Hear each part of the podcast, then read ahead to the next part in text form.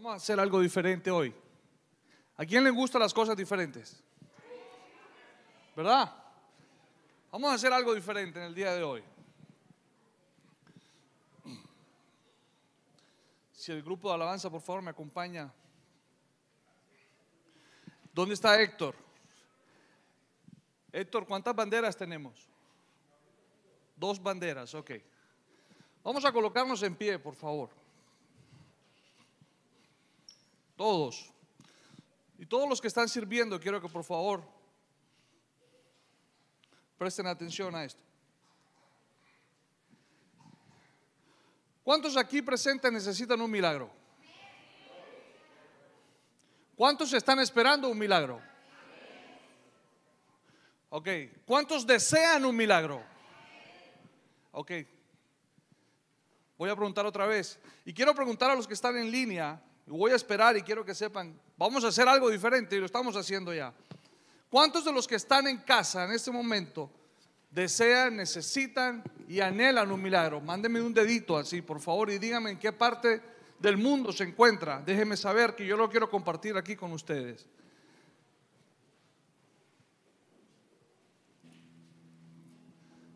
Chat, I'm going to need you to make some noise. Okay?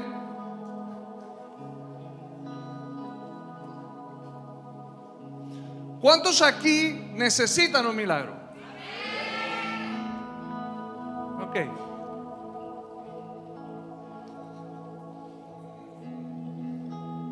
Chad, real loud. All right? ¿Cuántos aquí anhelan un milagro? Ok.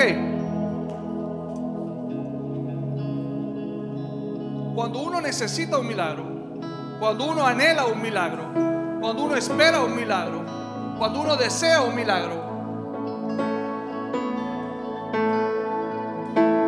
y te lo preguntan, es inevitable que tú levantes tu mano y des un grito al aire.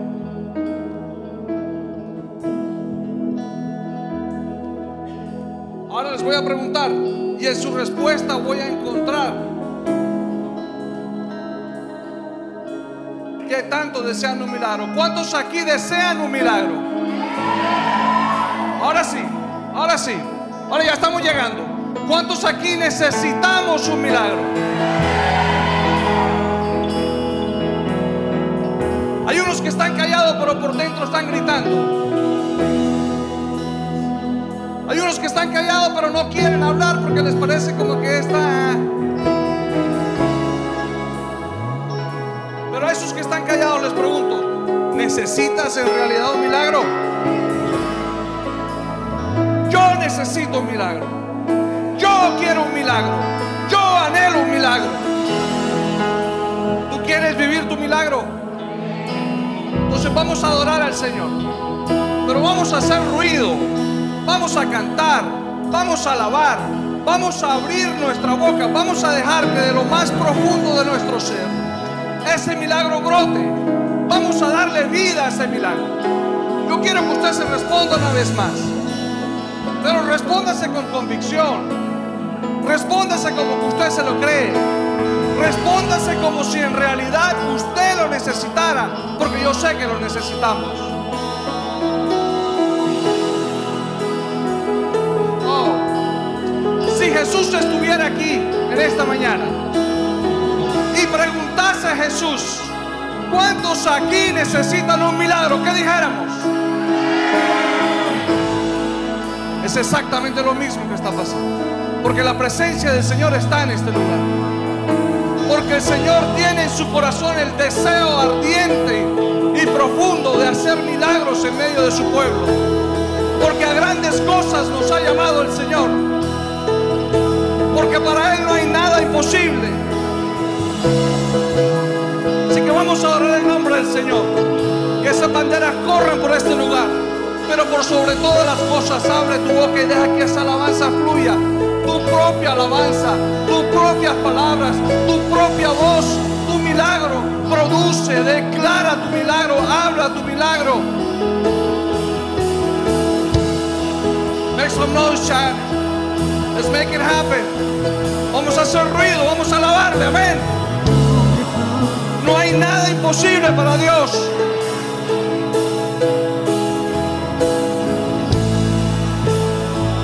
Los que están en casa.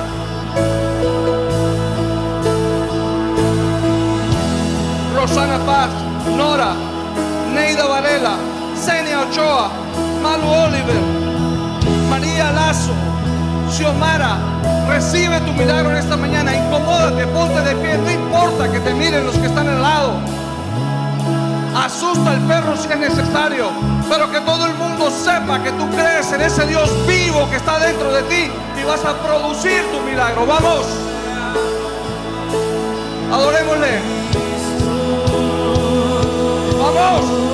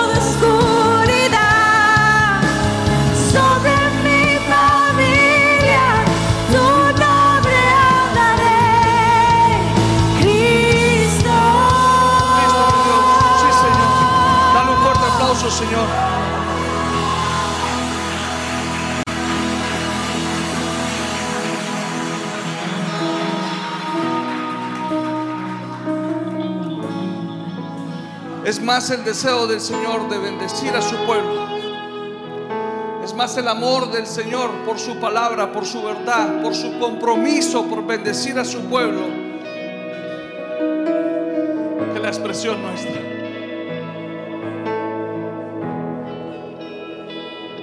Yo quisiera correr, yo quisiera brincar, yo quisiera poder transmitirte esto que estoy sintiendo dentro de mí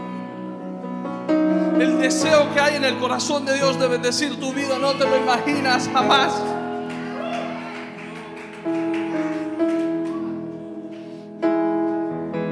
Si Él pudiera, si tú pudieras escuchar su voz, arde su corazón de amor por ti. Te quiere bendecir, te quiere sanar, te quiere prosperar, te quiere libertar No te descalifiques más. No eres lo que sientes, eres lo que Él dice que eres. Eres lo que Él dice que eres.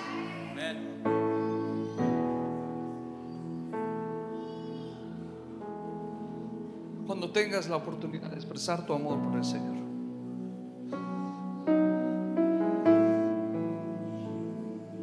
Para recibir su milagro, no lo desaproveches. Porque Él lo quiere hacer.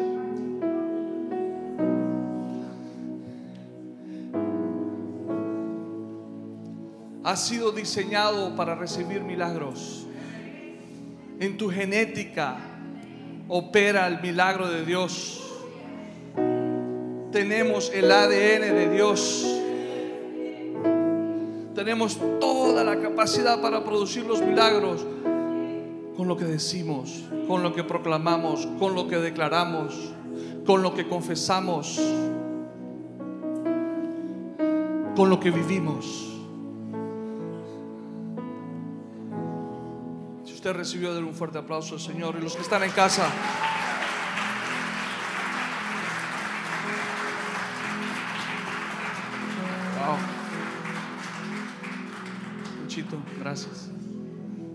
¿Cuánto les dan un aplauso al grupo de alabanza que tenemos? Amén. Ellos sí que saben improvisar. Esto no estaba en el libreto. Wow. Hay un anuncio importante que quiero darles. Martes a las 7 y 15 de la noche vamos a estar aquí reunidos. Los niños pueden pasar a sus clases. Gracias por avisarme. Si me regalan un poquito de agua, les agradezco. Esto es para los servidores, las personas que están sirviendo, no las que quieren servir, las que ya están sirviendo. Esto incluye maestros, sugieres, pastores, esposas de pastores. Los que ya estamos sirviendo en casa, tenemos una linda reunión el día martes a las 7 y 15 de la noche. Vamos a estar aquí con café, un pasabocas, y a las 7 y media empieza la reunión y a las 8 y media se acaba. Así que les animo a que vengan un poco temprano. Hay un incentivo, hay un cafecito, hay algo rico para comer. Quiero que por favor estemos aquí a tiempo, porque les prometo que no les quito más de una hora, incluyendo una pequeña sesión de preguntas que vamos a abrir al final para los servidores. Amén. Bueno, disculpen, tenía que tomar agua. Estamos trabajando en la serie Edificando. ¿Cuántos se acuerdan del domingo anterior lo que hablamos? Wow, una sola persona. Gracias, Señor. Por uno solo es suficiente. Yo con eso soy feliz. Si no se acuerdan, el domingo pasado hablamos de la serie Edificando bajo el título No huyas. Esta serie, quiero, quiero decirles algo. Mi esposa me decía, tienes que seguir en la misma línea. Yo le decía, mi amor, ¿cómo hablas de lo mismo el domingo siguiente? Y me decía, no sé, yo lo veo que, por ahí es la cosa. Por ahí es que va la cosa. Estuve orando al Señor y definitivamente no me dejó cambiar la prédica. Y sí vamos a ir por la misma línea. O sea que rápidamente voy a hacer una introducción. Edificando tiene que ver con levantar o construir una casa o un edificio, pero también tiene, tiene que ver con formar en instrucción a un grupo de personas o a una persona. Edificamos una casa o un edificio y también aplica cuando edificamos a nuestros hijos. ¿Estamos claros? Esto es importante. Lo primero que tenemos que tener presente, lo primero que tenemos que tener presente es que Dios debe estar en el asunto cuando vamos a edificar. Amén. Salmo 127, 1 dice, si el Señor no construye la casa, el trabajo de los constructores es una pérdida de tiempo. Si el Señor no protege la ciudad, protegerla con guardias no sirve para nada. Vamos a ampliar esto un poquito. Si nosotros queremos construir o edificar apoyados en nuestra lógica, en nuestra experiencia, en nuestro dinero, en nuestro conocimiento, en nuestra propia prudencia, en nuestras relaciones, en nuestro trabajo, en nuestra empresa, en nuestro pastor, en nuestra iglesia. Sin el Señor, entonces cualquier cosa que logremos no sirve para nada. No lo digo yo. Salmo 127, 1 dice, si el Señor no protege la ciudad, protegerla con los guardias no sirve para nada. Algo que no sirve para nada es, simple, es simplemente algo que no tiene propósito. Algo que no tiene propósito es lo más parecido a una fruta sin semilla. ¿Se han comido una fruta sin semilla? Se la comen y desaparece. No hay manera de poder salvar o poder sembrar para seguir teniendo frutas, porque no hay semilla. ¿Por casualidad ha visto usted a un hermano o hermana que se sabe la palabra de memoria? Que la conoce muy bien, pero cuando miramos sus vidas no vemos fruto. Porque conocer la palabra, memorizar la palabra sin verdaderamente conocer al Señor, no sirve para nada.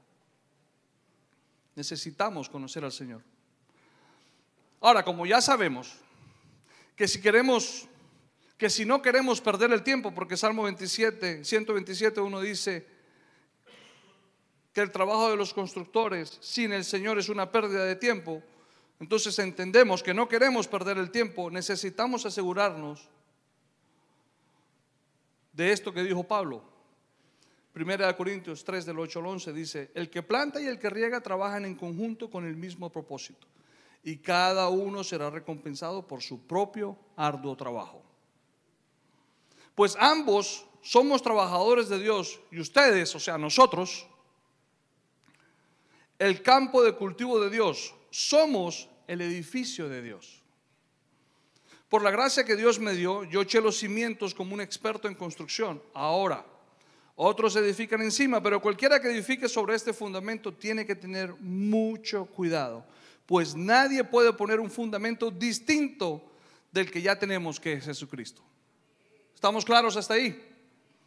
El fundamento sobre el cual vamos a edificar nuestras vidas es Jesús. No hay otro, no hay un mejor fundamento que ese. Ese es el fundamento en el cual nos vamos a apoyar y vamos a edificar de una manera muy segura. Él es la roca.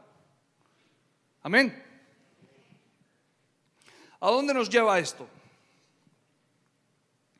Simplemente a que toda edificación requiere de un proceso. Efesios 4, el 11 al 13 dice, ahora bien, Cristo dio los siguientes dones a la iglesia. ¿Cuáles dones dio Cristo a la iglesia? Ahí está la palabra.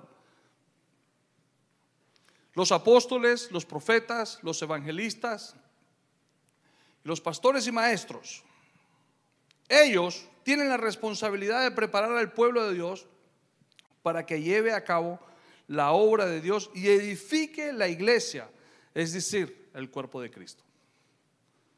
Por eso estamos hablando de edificando. Por eso estamos en esta serie.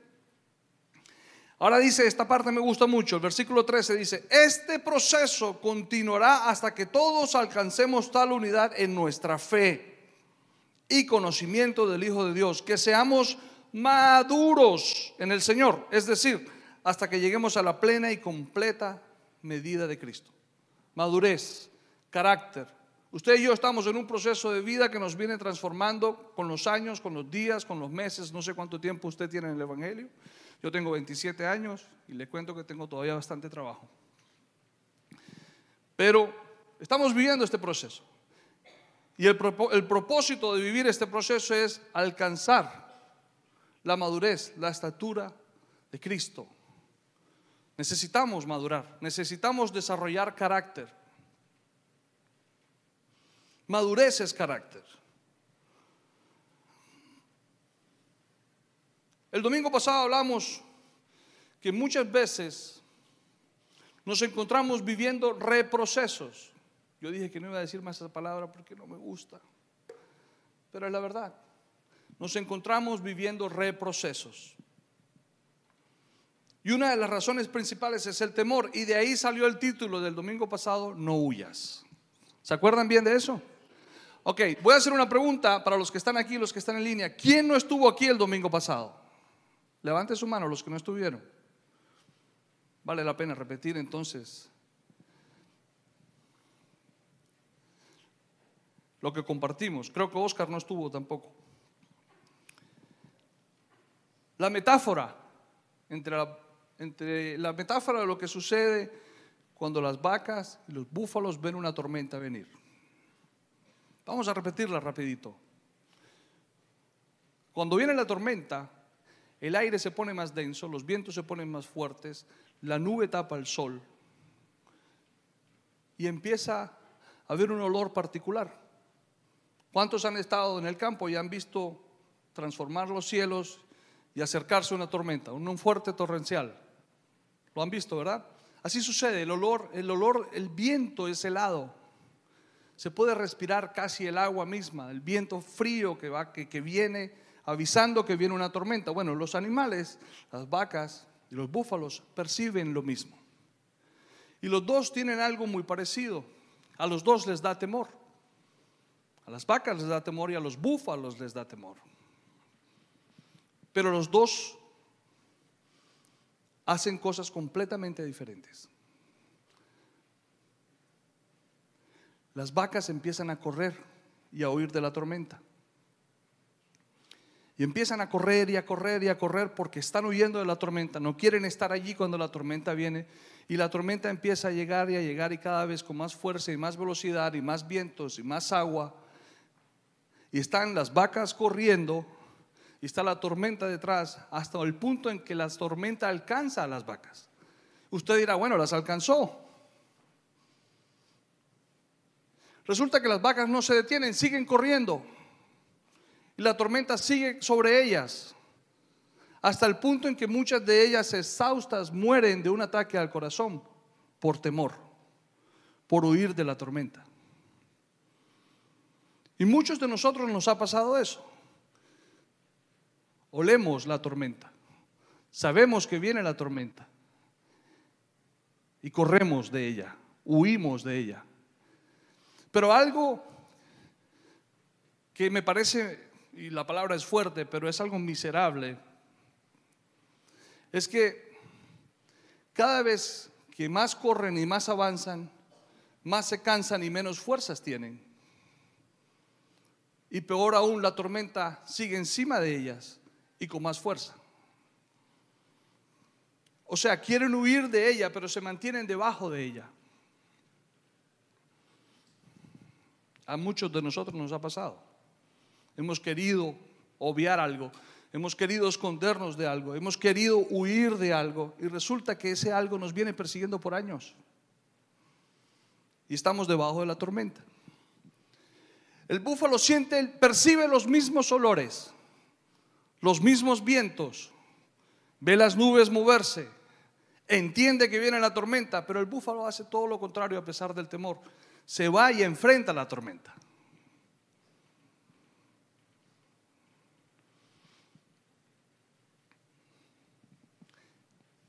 La tormenta viene y el búfalo va al encuentro de ella. Cuando la tormenta llega, arrasando con todo, el búfalo, a pesar del temor, se va de frente contra ella misma. Y en un instante pasa al otro lado de la tormenta. Eso lo hablamos el domingo pasado. Las vacas toman una decisión temporal, una decisión permanente para un momento temporal. Es un temporal que está pasando y su decisión se convierte permanente con relación a eso porque corren a la par con ella. El búfalo no.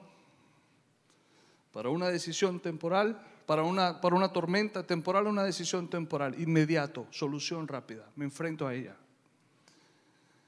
Que hay al otro lado de la tormenta, hay un hermoso sol, hay un hermoso pasto, hay un viento agradable,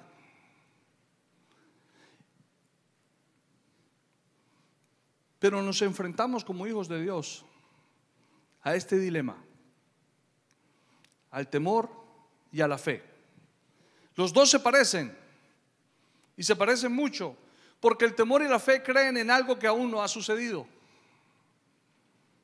Con la diferencia que el temor se apoya en nuestro pasado.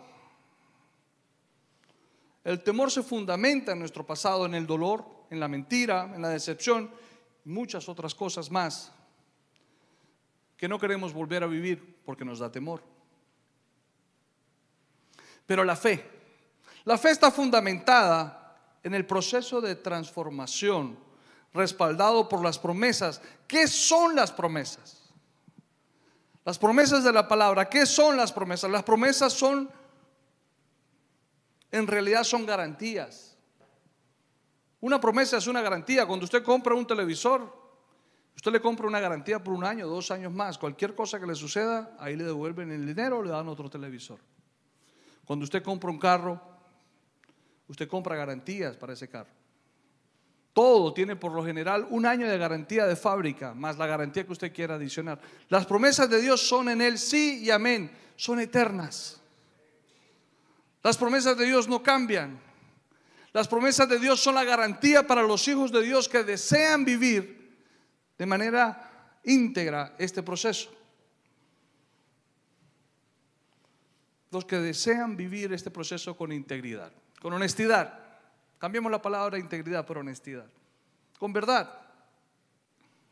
Integridad, no, se puede vivir el Evangelio sin integridad. No se puede vivir el Evangelio escondiendo cosas. No se puede vivir el Evangelio engañándonos. No se puede vivir el Evangelio diciendo algo que no somos. Solo en integridad se puede vivir el Evangelio. El Señor habló de David y dijo que él tenía un corazón íntegro no tiene que ver, ojo, integridad no tiene que ver con perfección. No tiene que ver con siempre hacer las cosas bien. Integridad tiene que ver con no esconderse, con hacerse disponible. Integridad, integrity means make yourself available. Ah, déjate ver como eres, tal como tú eres. No te escondas. Eso es integridad. No es perfección. David no fue perfecto, ¿Cuántos, errores cometió David? Por favor. Y de él Dios dijo que tenía un corazón íntegro. Porque no se escondió. Porque cuando fue confrontado reconoció su falta, reconoció su error. Porque decidió vivir en integridad y no en el pasado. Porque decidió vivir en integridad y entonces las promesas para la vida de David fueron su garantía para que fuese David, para que fuese David el rey, por medio del cual llegó Jesús a la tierra. Ese legado. El domingo pasado hablamos de esto. No huyas. La palabra nos dice aproximadamente 365 veces en 143 versículos, no temas, no temas, no temas. De una forma u otra te lo dice. Hay un, hay un versículo que marcó mi vida cuando yo llegué a este país. Era una bola de nervios, era horrible enfrentarme a todas las cosas que estábamos viviendo, asimilar la, el sistema, la cultura, con dos niños pequeñitos, con mi esposa, venir a enfrentar la vida. No era fácil. Yo tenía 24 años. ¿24 años, mi amor? Sí. Eso hace un par de añitos atrás. No hace mucho. Yo tenía 24 años y era horrible. Manejar en la 495 era horrible para mí. Para que usted tenga una idea de los temores que tuvimos que enfrentar, que tuve que enfrentar. Pero mi mamá está aquí y me regaló un versículo bíblico antes de salir de Colombia. Y lo tengo aquí porque se volvió un derrotero de vida para mí. Es Isaías 41:10. No tengas miedo, porque yo estoy contigo. No te desalientes, porque yo soy tu Dios. Te daré fuerzas y te ayudaré te sostendré con mi mano victoriosa. Y déjeme decirle, cada vez que yo tenía miedo, iba, me lo regaló enmarcado en una, en una cosita que se colocaba al lado de la mesita de noche. Cada vez que yo me enfrentaba al temor, me acordaba al Espíritu Santo de Dios de esa promesa. Y yo iba allí y yo lo leía y salía y me enfrentaba. Muchas veces no lo leía, sino cuando ya estaba en el momento de enfrentarme a la situación incómoda y difícil, pero ya me lo había aprendido y me, lo- me acordaba de él. No quiero ponerme como ejemplo, pero eso es vivir la palabra. Enfrentarse a las cosas que te atemorizan, que te debilitan, que te restan fuerzas, que te hacen sentir menos. Enfrentarse a esos gigantes apoyados en una promesa como estas. Hablarla, declararla, decirla y enfrentarte a ellas y encontrar tu milagro al otro lado de la tormenta. Lo viví muchas veces. Pero así como esa promesa, hay muchas en la palabra. Josué 1.9, lo hablamos el domingo anterior. Antes de seguir, quiero darles el título. No huyas, no te escondas. No huyas, no te escondas. Porque no hay nada imposible para Dios. Ese es el título de hoy. No huyas, no te escondas, porque no hay nada imposible para Dios. Josué 1.9 dice, mi mandato es ser fuerte y valiente, no tengas miedo ni te desanimes, porque el Señor tu Dios está contigo donde quiera que vayas. Me quiero quedar en esta parte que dice, no tengas miedo ni te desanimes, porque quiero explicarles algo. De ahí viene la parte, no te escondas. No huyas, viene del temor. ¿De dónde viene la parte no te escondas? Viene de aquí, de no tengas miedo ni te desanimes. Inmediatamente después de experimentar temor, vivimos el desánimo. Está en la palabra. Si usted lee Isaías 41:10, dice, no tengas miedo porque yo estoy contigo, no te desalientes, es lo mismo. Si usted está viviendo desaliento, si usted está viviendo desánimo, usted está siendo vencido por el temor. Ahí está claro. Y cuando usted vive desánimo y desaliento, la tendencia es escondernos. Si está viviendo desánimo es porque ha experimentado temor.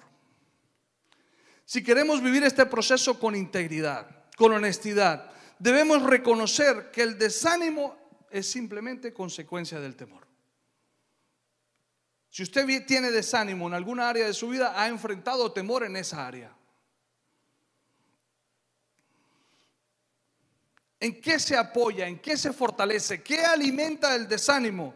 Nuestro deseo, o esto le va a parecer, nuestro deseo de tener la razón alimenta el desánimo. Usted sabe que como seres humanos, como cristianos, estamos más interesados en tener la razón que traer una solución. Usted no se ha dado cuenta que en una mesa, en una conversación, no vayamos muy lejos con su esposa, con su esposo, con su hermano, hermana, Usted se sienta a hablar y a debatir un tema y usted quiere, lo más importante es que usted pueda tener la razón, cualquiera que sea el tema, la problemática. Conocí una persona que estaban hablando de películas una vez y de pronto se exaltó y empezó a hablar y a mencionar actores y directores y esto y títulos de película. Yo lo llamé aparte y dije, ¿por qué te, por qué te molestas? Que te noto como... No, porque es que también se tienen que dar cuenta que yo también sé. Es que yo no me voy a quedar callado, también, yo también sé del tema.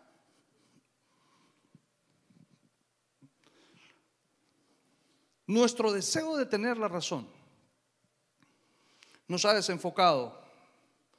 Porque cuando creemos que tenemos la razón, entonces nos conformamos. A ver, se los voy a decir de otra manera. Queremos siempre tener la razón para ser entendidos y aceptados. No sé qué problema estamos viviendo a nivel personal, en desánimo, pero tenemos la explicación perfecta para ese desánimo. Y entonces la expresamos y como nos entienden, entonces nos conformamos y nos quedamos allí estacionados. Nuestro deseo de querer, la- de querer tener la razón alimenta el desánimo. y nos lleva a la conformidad. Y esto es fuerte, se va a escuchar fuerte, pero tengo que decirlo, el fruto de la conformidad es la mediocridad. Y muchos vivimos una vida mediocre porque no vivimos en el potencial por el cual hemos sido creados, por el potencial con el que el Señor nos diseñó.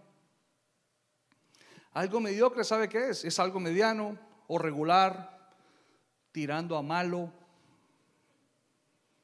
en cuanto a su calidad, a su valor a su interés. Eso es mediocridad. Cuando nos hemos conformado, nos hemos quedado a mitad de camino. Nos hemos conformado con algo bueno y hemos olvidado lo mejor. Nos hemos conformado porque logramos explicar cómo nos sentimos. Y si se acuerdan en la administración, usted y yo no somos lo que sentimos. Usted y yo somos lo que Dios dijo que somos. Es más, les voy a decir algo, tener la razón no da fruto. Tener la razón no da fruto. Vivir los principios con integridad en este proceso de, transformador, de transformación es lo que nos va a dar fruto.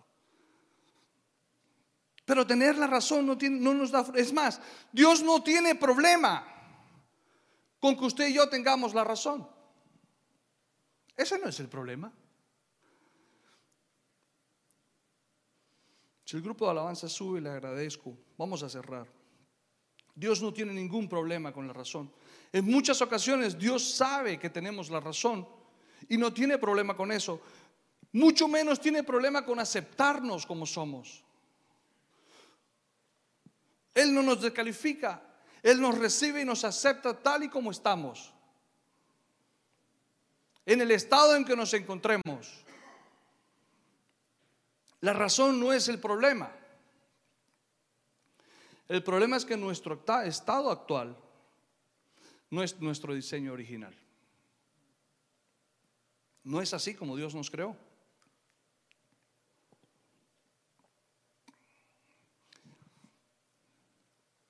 Quiero rápidamente ir cerrando con esto. Quiero leerles una historia de amor. ¿A cuánto les gustan las historias de amor? A mí me gustan las historias de amor. Hay una película que se llama Notebook que me gusta mucho. ¿Quién se la ha visto? Oh, hay varios brazos arriba. ¿No te la has visto, Erlin? Tienes que, oh, sí te la has visto, pero no levantaste la mano. A mí me gusta Notebook, es muy bonita. Esta historia de amor entre un hombre y una mujer que formaron una linda familia de acuerdo a su diseño y no de acuerdo a los temores o a la razón que ellos proclamaban. Es una historia de amor que nos involucra a todos los que estamos aquí. Esta historia de amor. Nosotros hacemos parte de esta historia de amor.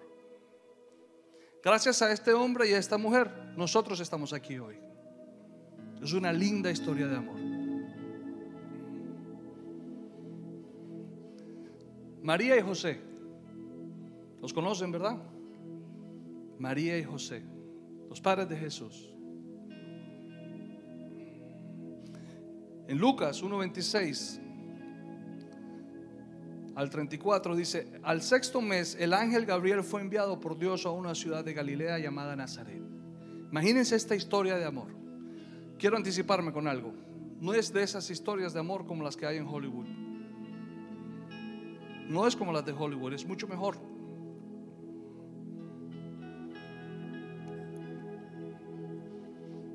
Al sexto mes el ángel Gabriel fue enviado por Dios a una ciudad de Galilea llamada Nazaret. Hay ángeles en esta historia.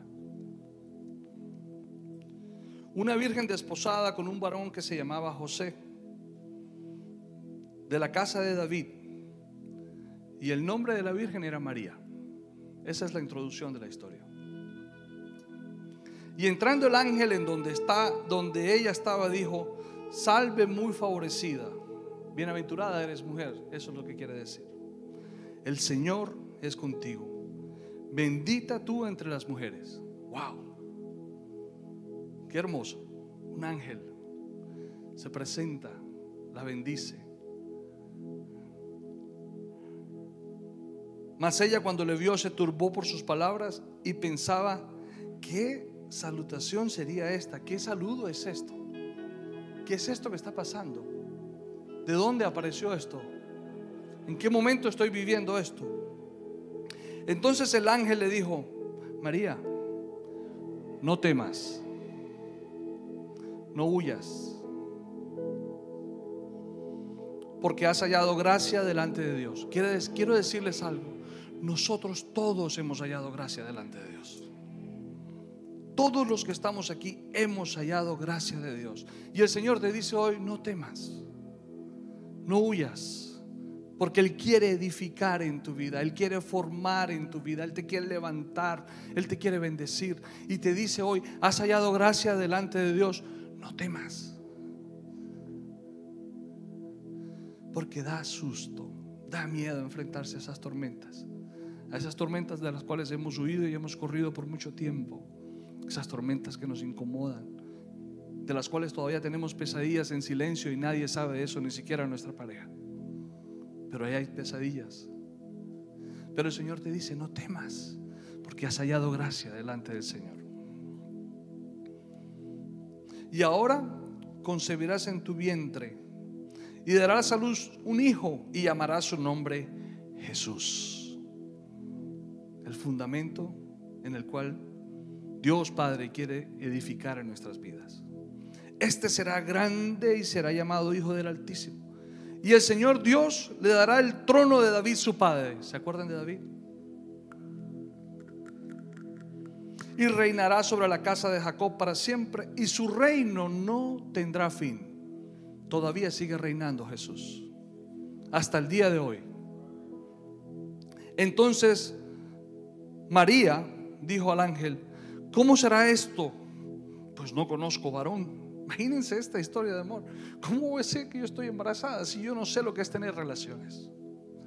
¿Cómo voy a estar embarazada si no conozco un hombre? Pero mientras eso sucedía,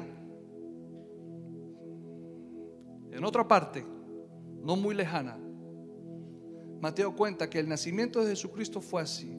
Estando desposada María, su madre, madre de Jesús, con José, antes que se juntasen, se halló que había concebido del Espíritu Santo. O sea, antes que José y María se juntasen, ya se sabía que María estaba embarazada. Eso lo cuenta el libro de Mateo. José, vamos a hablar de José. Ya hablamos de María, vamos a hablar de José.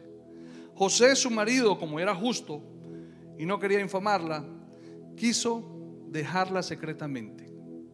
José era un hombre íntegro, era justo, era recto, no le quiso hacer daño a María. José pensó en lo justo porque él tenía la razón. Esto no me puede pasar a mí. ¿Qué van a decir de mí? ¿Qué van a hablar de mí? ¿Cómo así que yo me voy a casar y ya está embarazada? Esto no puede ser. Él tenía la razón. Créanme que José tenía la razón. Culturalmente José tenía la razón. Él no se debía casar con María. Es más, él la pudo exponer públicamente a ella por la falta, según la cultura y el sistema en el que estaban. Pero era un hombre íntegro, era un hombre recto. Y aunque tenía la razón, decidió obrar de una manera misericordiosa. Y dijo, no lo voy a exponer. Y pensando él en esto, he aquí, un ángel del Señor se le apareció en sueños. Oh, volvió a aparecer el ángel. Apareció donde estaba María y ahora apareció donde estaba José. Imagínense esta historia de amor. Un ángel le habla a los dos. Casi al mismo momento, en diferentes lugares del mundo. Un ángel se le aparece a los dos y les habla, les habla y se le apareció en sueño y le dijo, José, hijo de David, no temas recibir a María tu mujer, porque lo que en ella es engendrado del Espíritu Santo es. Coloquémonos en pie, por favor. Y le dice el ángel a, a, José, y le dice, y dará a luz un hijo, y llamará su nombre Jesús, porque él salvará a su pueblo de sus pecados. Lo mismo que le dijo a la mamá, se lo dijo José. ¿Se acuerdan cuando María le preguntó al ángel, ¿cómo será esto? Pues no conozco varón. Volvamos a donde está María ahora. Volvamos a ese lugar donde está María cara a cara con el ángel y le pregunta, entonces, ¿cómo será esto? Pues yo no conozco varón, yo no he estado con un hombre, ¿cómo voy a estar embarazada? Y el ángel le dijo, el Espíritu Santo vendrá sobre ti. El Señor te dice, el Espíritu Santo vendrá sobre ti. Y el poder del Altísimo te cubrirá con su sombra. Recibe esa palabra en esta mañana. Recíbela, que es para ti el poder del Altísimo te cubrirá con su sombra, por la cual también el santo ser que nacerá será llamado Hijo de Dios. Y he aquí tu parienta Elizabeth, ella también ha concebido hijo en su vejez, y este es el sexto mes para ella, la que llamaban estéril. No huyas, no te escondas, porque nada hay imposible para Dios, le dijo el ángel a María. Nada hay imposible para Dios. ¿Cuál es tu imposible? Te pregunta el Señor hoy. ¿Cuál es ese milagro que tú necesitas? Los que están en casa, ¿cuál es ese imposible? ¿Cuál es ese milagro que estás necesitando? ¿Cuál es eso? ¿Cuál es eso que te roba el aliento de vida? ¿Qué es eso que te roba el respirar? ¿Qué es eso que te roba el sueño? ¿Qué es eso que te da pesadillas? ¿Qué es eso que no quieres enfrentar? No huyas. No te escondas porque nada hay imposible para Dios. María tenía razón. ¿Cómo que estoy embarazada si no he conocido a un hombre? Claro que tenía razón. José tenía razón. ¿Cómo me voy a casar si ella está embarazada? No la he conocido. No la puedo recibir como, como mi esposa. Claro que tenía razón. A los dos el Señor les dijo, no temas. Los dos vivieron temor. ¿Ustedes se imaginan el desánimo que vivió Pedro cuando le dijeron, con la que te vas a casar, está embarazada? Se le cayó el estante.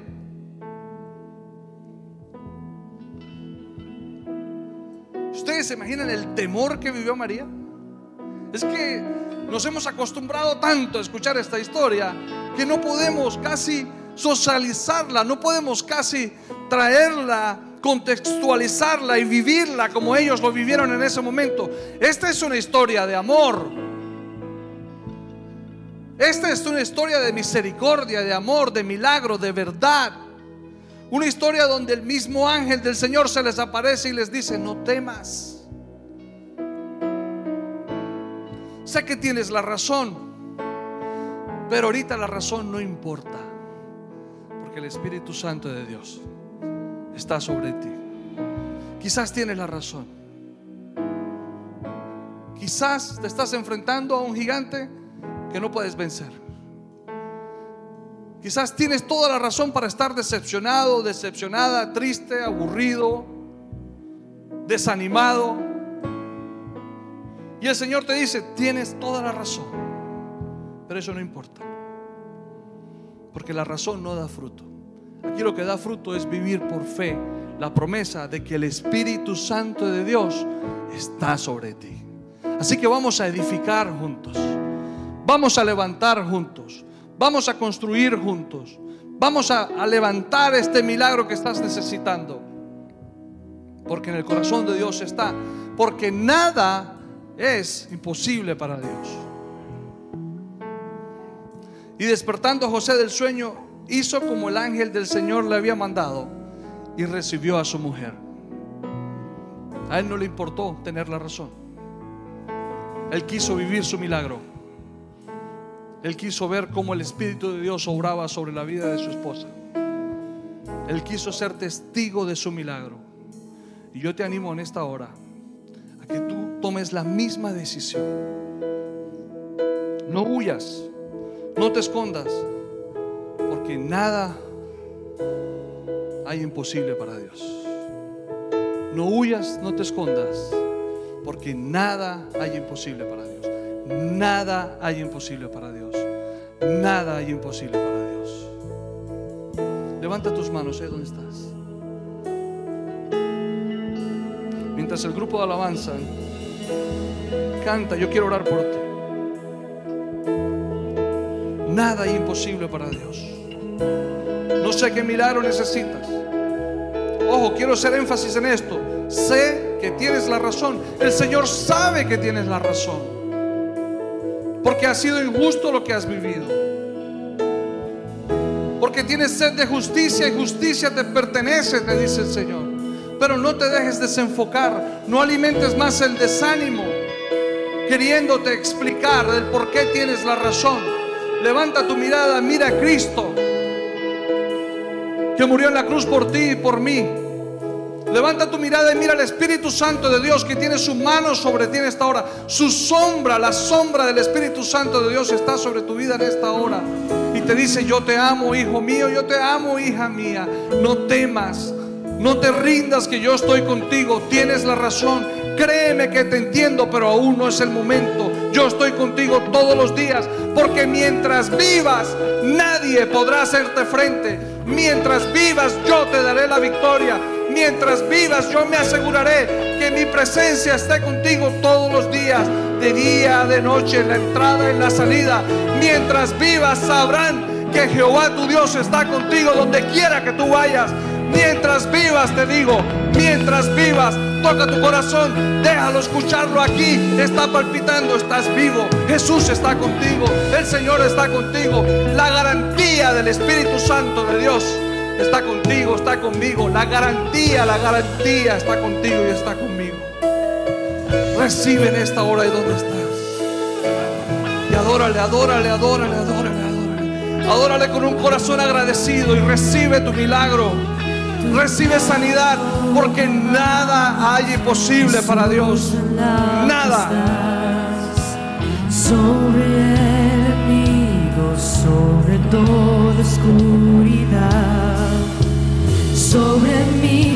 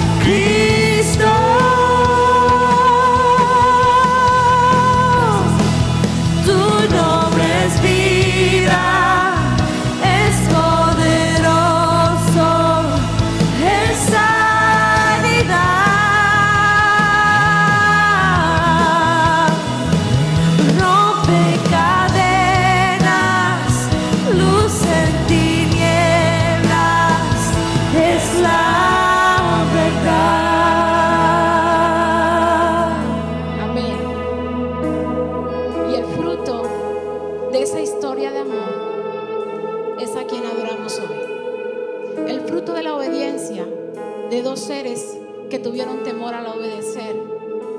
Es la razón por la cual usted puede decir que Jesús es nuestro libertador, que Jesús es mi roca, que Jesús es mi estandarte, que Jesús es mi abogado, que Jesús es mi fuerza, que Jesús es quien me abre la puerta, que Jesús es el camino a seguir, que Jesús es quien escucha mi lucha, pero Él me ha dado la victoria, que Jesús es el que te ha concedido el milagro y hará grandes cosas con el fruto de ese milagro, que Jesús es el que te ha visto llorar a solas y en esta mañana te dice, no te dejaré, no te desampararé y estaré contigo todos los días de tu vida hasta el fin del mundo.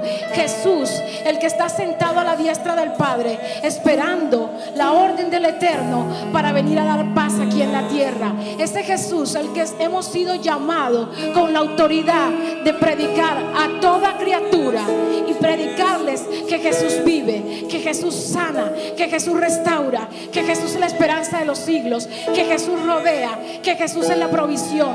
Esa autoridad tenemos usted y yo a de la obediencia de dos seres humanos que le creyeron a Dios. Ustedes en casa les deseamos una feliz, feliz semana de la mano del Señor. Y los que están aquí también. Dios les bendiga. Agárrense de las promesas.